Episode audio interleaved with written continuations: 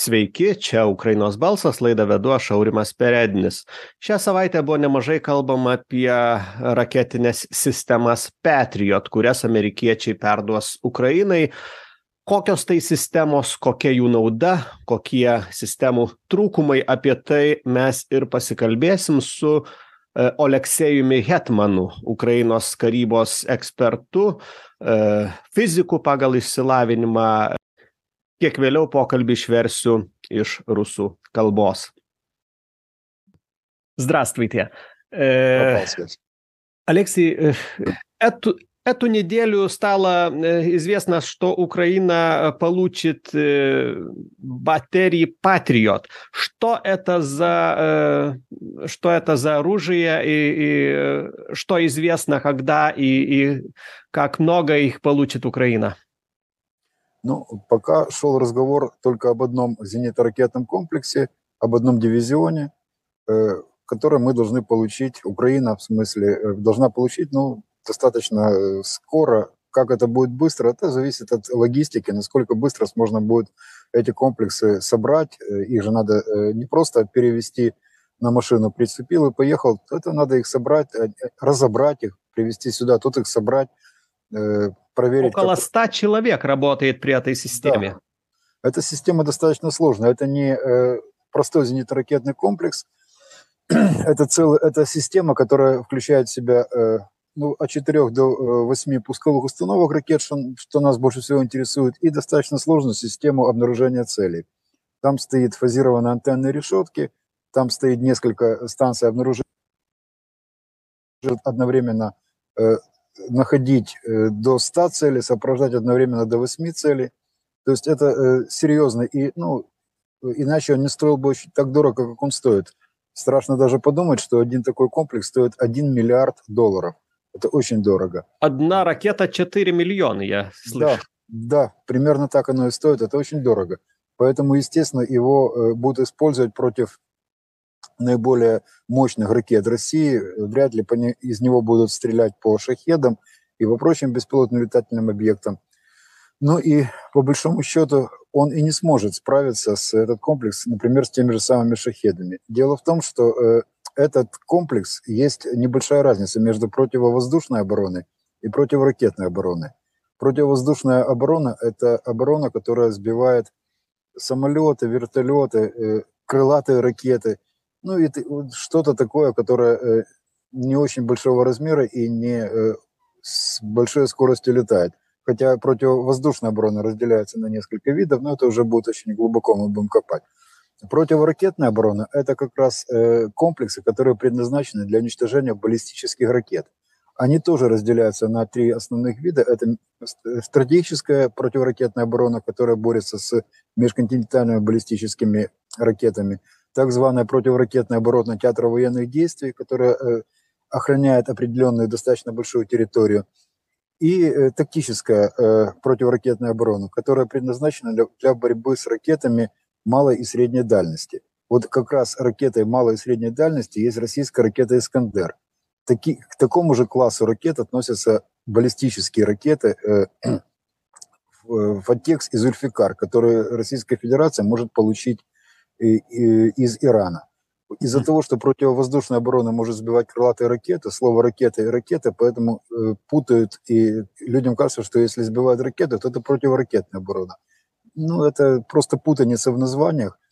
Крылатая ракета – это тот же самый, по большому счету, самолет, только без пилота. Поэтому э, зенитно-ракет, противоракетными комплексами такие э, цели не уничтожаются. Хотя «Патриот» может стрелять и, и по крылатым ракетам. Но еще раз – он был разработан в 70-х годах прошлого века. Э, с тех пор он постоянно модифицируется, усложняется, адаптируется до, до новых задач ведения воздушных боев. Но это в первую очередь это противоракетная оборона.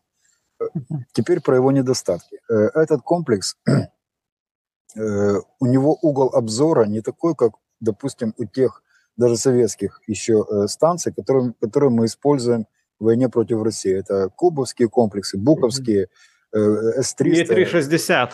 Не 360 градусов. У него mm-hmm. угол обзора всего лишь 90 градусов. Для того, чтобы э, он смотрел хотя бы вдоль линии фронта на 180 градусов, уже нужно ставить их парочку. Э, это один из его недостатков. Э, цель, которую... Это не значит, что он слепой. Просто цель э, баллистической ракеты – это цель, которая летит достаточно долго, но относительно долго, потому что она поднимается до 50 километров вверх, тот же «Искандер». Потом, то есть ее, ее хорошо видно, и она практически не маневрирует. Поэтому, а ракета э, летит по какому? Э... По, баллистич, по баллистической траектории. Баллистическая ракета, вот она поэтому так и называется баллистическая, что она летит по баллистической траектории, то есть по сути как снаряд. Хотя она может маневрировать, но она не, не может так маневрировать, как это делает крылатая ракета. Она но по какому за... скоростью она летит?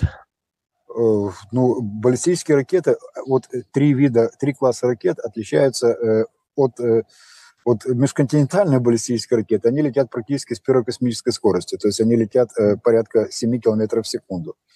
Э, ракеты э, театра военных, э, ракета, которая э, используется в, ну, в средней между э, э, ракетами маленькой дальности и межконтинентальными баллистическими ракетами, они достигают скорости до э, где-то 3-4 километров в секунду. Э, баллистические ракеты э, малой и средней дальности, они летят примерно э, километр, полтора километра в секунду. Чтобы не переводить числа Маха и не переводить в километр в час, это легко пересчитать, просто так оно нагляднее. Это достаточно быстрая ракета, но тот же самый Искандер, он поднимается в стратосферу на высоту 50 километров, там он развивает свою максимальную скорость, там меньше сопротивления воздуха, поэтому может лететь быстрее и оттуда практически вертикально вверх, э, вертикально с, э, сверху вниз он атакует цель. Угу.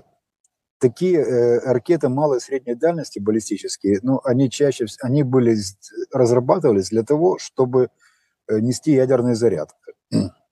Они могут от, лететь и без ядерного заряда, но в основном это, ну, они дорогие, поэтому они это тактическое ядерное оружие, то, что мы называем. А... Э, секунду, вот это важно. Хорошо. И вот именно противоракетный комплекс э, типа Патриота, он должен сбить э, эту ракету, не э, взорвавшись рядом с ней, как, допустим, комплекс С-300 или э, комплекс БУК, и осколками разрушить, ну, боевой частью, там шарики, кубики, вот этим разрушить летательный аппарат. А он должен попасть э, в эту, в, именно в эту ракету, и желательно попасть на высоте 20-30 километров, э, то есть на, на, на высокой высоте, на большой высоте. Почему? Потому что если произойдет э, несанкционированный или санкционированный взрыв этой ракеты э, от того, что ее атакует Патриот, э, то взрыв на высоте 30 километров э, вряд ли ну, нанесет большой ущерб объекту, который охраняет Патриот. И, в отличие от того, если он взорвется на высоте там, 100 метров. Поэтому э, эти ракеты, вот э, эти комплексы для этого предназначены. И из их, его минусов э, он, например, не видит цель которая летит ниже, чем 50 метров. То есть э, Патриот э, в Саудовской Аравии, они достаточно богатая страна для того, чтобы позволить себе купить эти комплексы. Вот их нефтеперерабатывающие и нефтедобывающие заводы несколько э, в 2019 году, то есть три года назад, были атакованы из Йемена как раз беспилотниками. Угу. И Патриот не смог их перехватить, они нанесли достаточно серьезный ущерб, там Но... он исчисляется миллионами долларов. Ну, известная достаточно история – Поэтому Патриот рассчитывает на то, что этот комплекс может защитить, нам закрыть, как мы хотим, небо от э, будь каких э, от, атак, но, к сожалению, он этого сделать не способен. Но, с другой стороны, э, россияне, наши враги, переживают, что мы этот комплекс можем э, получить, потому что практически э, наиболее точные их ракеты, и тем более баллистические ракеты, на которых они делали расчет, э, договариваясь с Ираном, этот комплекс ну, практически э, может опять же, не со стопроцентной вероятностью, но с очень высокой вероятностью, до 80% он их может уничтожать. Поэтому, естественно, когда мы становимся защищеннее, наша э, критическая структура, наш тыл, то, естественно, мы становимся сильнее на поле боя. А на поле боя мы показываем, что пока россияне с нами, с нами ничего не могут сделать. Угу. Это два слова э, про патриот. Есть еще там некоторые нюансы его, его использования, но oleksijus sako kad kol kas ėjo kalba tik apie vieną patriot kompleksą kurį ukraina turi gauti ganėtinai greitai. Priklauso atvežimas ir nuo to kaip bus greitai surinkta sistema kaip seksis logistika apie šimtą žmonių dirba su patriot baterija ir tai nepaprastas zenitinių kompleksas raketų o sudėtingesnis. Tai sistema kuri susideda arba iš keturių arba iš aštuonių raketų kas pas mus labiausiai šiuo atveju mus domina technologiškai tai sudėtinga taikinio aptikimo sistema kuri gali iš karto aptikti iki šimto taikinių ir palydėti raketomis aštuonis.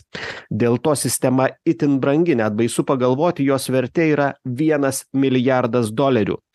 Vien viena raketa kainuoja keturis milijonus.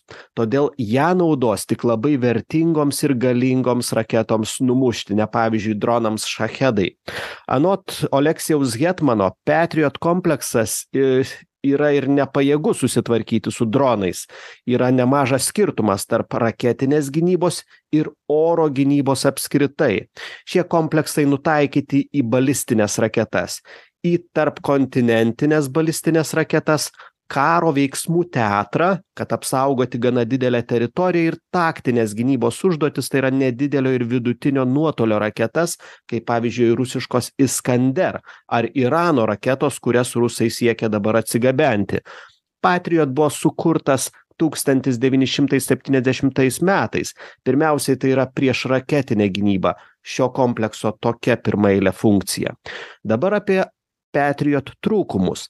Komplekso stebėjimo laukas yra devyniasdešimt laipsnių ne trys šimtai šešiasdešimt. Tam kad jis galėtų būti naudingas pavyzdžiui fronto linijai šimtą aštuoniasdešim laipsnių kampui reikia statyti bent du patriot baterijų kompleksus. Tai nereiškia kad jis aklas. Balistinė raketa kaip taikinys skrenda ganėtinai ilgai. Ji gerai matoma beveik nemanevruoja kaip pavyzdžiui sparnuotoji raketa greitis balistinės raketos apie septyni kilometrai per sekundę. Mažo nuotolio vienas kilometras per sekundę. Įsivaizduokime pavyzdžiui rusų raketa iskander pakyla iki penkiasdešim kilometrų aukšty į stratosferą ir iš viršaus atakuoja taikinį. Jos sukurtos kad nešti branduolinį užtai užtaisą ir gana brangios. Ir patriot turi šitą raketą numušti maždaug dvidešimties trisdešimties kilometrų aukštyje. Esmė yra numušti raketą kuo aukščiau nes jeigu tu numuši ją tik kelių šimtų metrų aukštyje objektas patirs žalą. Tam ir sukurta patriot. Dar vienas patriot trūkumų jog baterija nemato taikinio žemiau nei penkiasdešimt metrų aukštis. Turtinga saudo arabija turi nusipirkę patriot kompleksų kad apsaugoti savo naftos infrastruktūrą. Prieš trejus metus šie objektai saudo arabijoj kurie saugojo patriot sistemos buvo atakuoti dronais iš jemeno. Ir patriot jų nepagavo. Objektai patyrė milijoninę žalą patriot neuždarys ukrainai dangaus kaip nebūtų gaila. Bet mūsų priešai rusai pergyvena dėl šio komplekso nes balistines aukšto tikslumo raketas maždaug aštuoniasdešim procentų tikslumu patriot naikins. Ir tai mus daro saugesniais.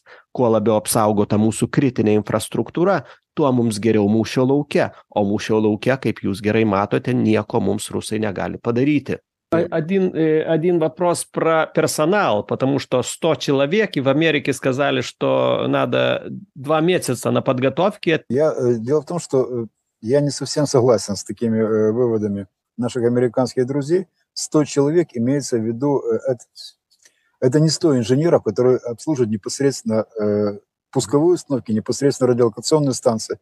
Это 100 человек, в том числе и обслуживающий персонал, ну, условно говоря, водителем автомобиля. То есть 100 человек – это просто состав дивизиона.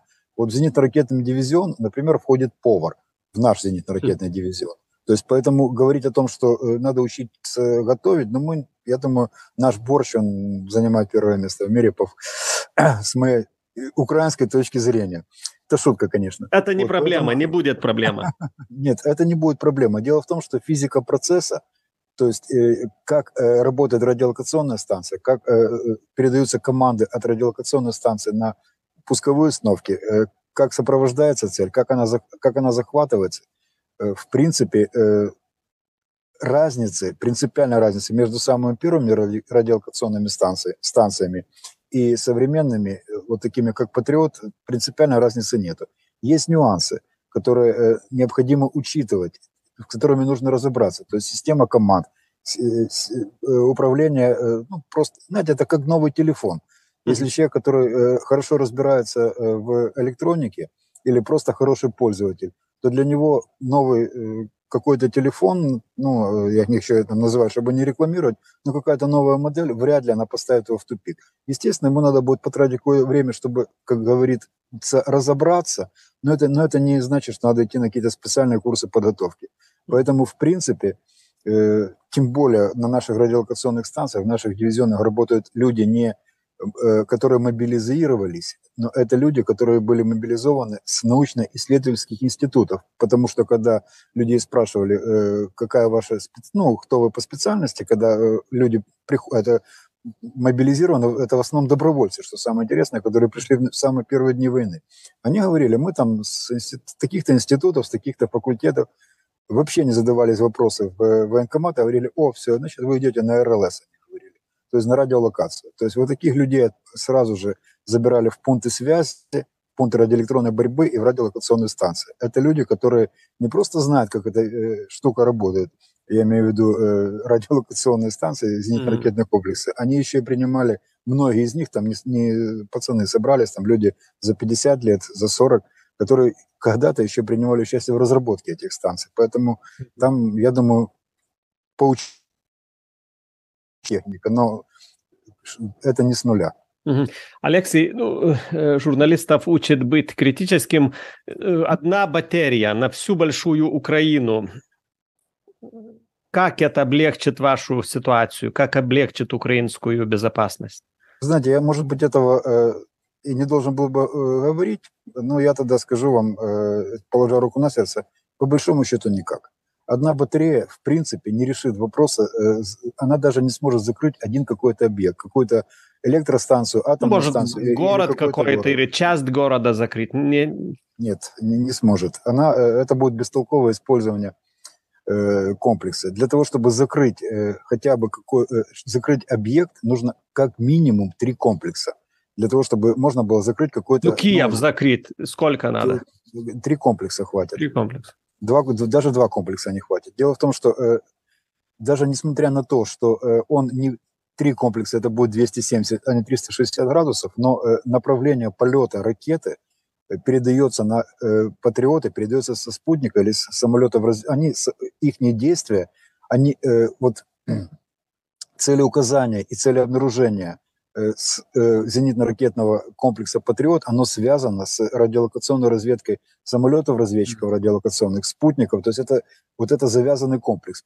Поэтому он и, ему и не надо видеть на 360 градусов, ему достаточно видеть на 90 градусов, но он получает ну, 90 это значит, что вот э, отсюда и ну, только, только вот эти 90, то есть 90, которые поворачиваются, проще говоря. То есть он может это значит, он смотрит только на юг и немножко на, э, ну, то есть, на, ну, допустим, на север и на запад, да, вот 90 градусов. Если мы возьмем просто э, компас, да, вот это 90 градусов. Это значит, что он, что он может, что он видит он может, он может повернуться и видеть уже между западом и югом. То есть это не принципиально, э, как, как, какие 90 градусов. Это не то, что его вкопали, он стоит мертво. Поэтому, ну, да, шире ему видеть не надо, потому что он получает цели указания – от сопутствующих э, летательных аппаратов, космических аппаратов, інших, э, ну, э, есть э, радиостанции дальней разведки, поэтому э, ему шире видеть и не надо. Ну и последний из его недостатков, э, почему-то все считают, что это какой-то очень э, ну, много внимания, Патриот. Все говорят про это эту неделю, и как-то вся война переворачивается на, на украинскую сторону. Вы, вы знаете, э, ну, во-первых, он не может стрелять дальше, чем на 150 километров, этот комплекс. Это не так далеко. Во-вторых, разговоры про то, что он может обнаружить цель э, на э, большом расстоянии, это тоже не совсем правда. Потому что Земля имеет изгиб, и если просто посчитать, на какую дальность может видеть радиолокационная станция, то есть простые адаптированные формулы, то, мы, то станция, которая находится, стоит на высоте, ну, например, 10 метров угу. над уровнем моря, как говорится, ну, над землей, а цель летит на высоте 100 метров, то э, дальность обнаружения будет составлять примерно 65 километров. То есть э, если самолет будет лететь на высоте 100 метров, на расстоянии будет до него 70 километров, то никакая радиолокационная станция его не видит, потому что изгиб Земли и радиомагнитные волны, которые выпрямляют, ну, из, импульсы, которые выпускает радиолокационная станция, они чуть-чуть э, загибаются за горизонт, скажем так, но это, но не на, они не огибают полностью Землю. Я имею в виду те волны, э, это сантиметровые и дециметровая длина волны, которая используется на радиолокационных станциях. Насколько, насколько это головной боль для России, этот патриот? Э, ну, во-первых, э, тут скорее, э, ну, знаете, вот вы, мы не договорили, я не ответил, вернее, на вопрос, почему, это, почему столько разговоров про этот патриот, почему так много ему как бы рекламы. Э, дело в том, что э, ну, люди, у нас у всех уже посттравматический синдром. Я имею в виду не военных людей, а гражданских. Они устали от этой войны. Им нужны хорошие новости. У нас иногда внутри Украины ругают людей, которые дают слишком позитивные новости. Но это тоже правильно, потому что когда человек рассказывает, что через 2-3 недели война закончится, проходит 2-3 месяца, она не заканчивается, то это как-то вызывает негатив. Но давать какие-то все-таки хорошие новости людям очень важно давать надежду людям очень важно. Не врать, а просто, ну, знаете, давайте я скажу, может, тоже чего не стоит говорить, но немножко приукрасить все-таки можно, для того, чтобы просто людям стало немного легче. Вот э, поэтому вот э, про патриот... Поэтому э, так много про так, патриот да, говорит. говорят, чтобы, ну, чтобы немножечко э, отвлечься на какое-то время от тяжелых боев под Бахмутом. Для того, чтобы... Вот мы сейчас с вами говорим, э, я, мы сидим, вот я сижу без света. Слава богу, у меня в машине есть ну, двигатель, он дает и тепло, и свет. Можно выйти погреться. То есть поэтому вот, чтобы от этого немножко отвлечь, мы говорим про Патриот, и мы верим, что он нам э, поможет. Он действительно поможет, он не ухудшит ситуацию. Но он бы так дорого не стоил, если бы это было барахло. Но рассчитывать, что он нас спасет, как, знаете, как изоренный огонь бластер, который там меч, который там все рубит. Это, к сожалению, этого нету, но давайте все-таки как-то будем оптимистами и ну, На этой новость. ноте заканчиваем, да. Э, как сказал Шимон Перес, оптимисты и пессимисты умирают так одинаково, да. Но живет по-другому одни и другие. Да. Iki šimto žmonių aptarnauja maždaug šias sistemas. Amerikos oficialūs šaltiniai šią savaitę kalbėjo apie tai kad porą mėnesių gali reikėti juos paruošti. Aš nesutinku su amerikiečiais sako aleksejus. Šimto žmonių čia įeina labai daug netiesioginio personalo. Pavyzdžiui mūsų zenitiniam komplekse yra virėjo pareigybė. Iš principo kaip aptinkamas valdomas naikinamas taikinys principai yra tie patys tik skirtumas kaip pavyzdžiui naujo ir seno mobilaus telefono valdymas. Iš principo mūsų radiolokacinėse stotyse dirba iš mokslinių tyrimų institutų žmonės. Jie atėjo savanoriais ir juos į tas stotis iš karto paskyrė kurie turi labai aukštas kompetencijas. Tai ne jaunimas žmonės keturiasdešim penkiasdešim metų amžiaus jų mokymas nėra nuo nulio viena patriot baterija visai didelei ukrainai ar ne per kuklu. Kalbant padėjus ranką ant širdies sąžiningai sako aleksejus viena patriot baterija niekaip neapsaugos ukrainos. Ji neuždarys net vieno didelio objekto. Kad uždaryti objektą nuo raketų smūgio reikia bent trijų kompleksų.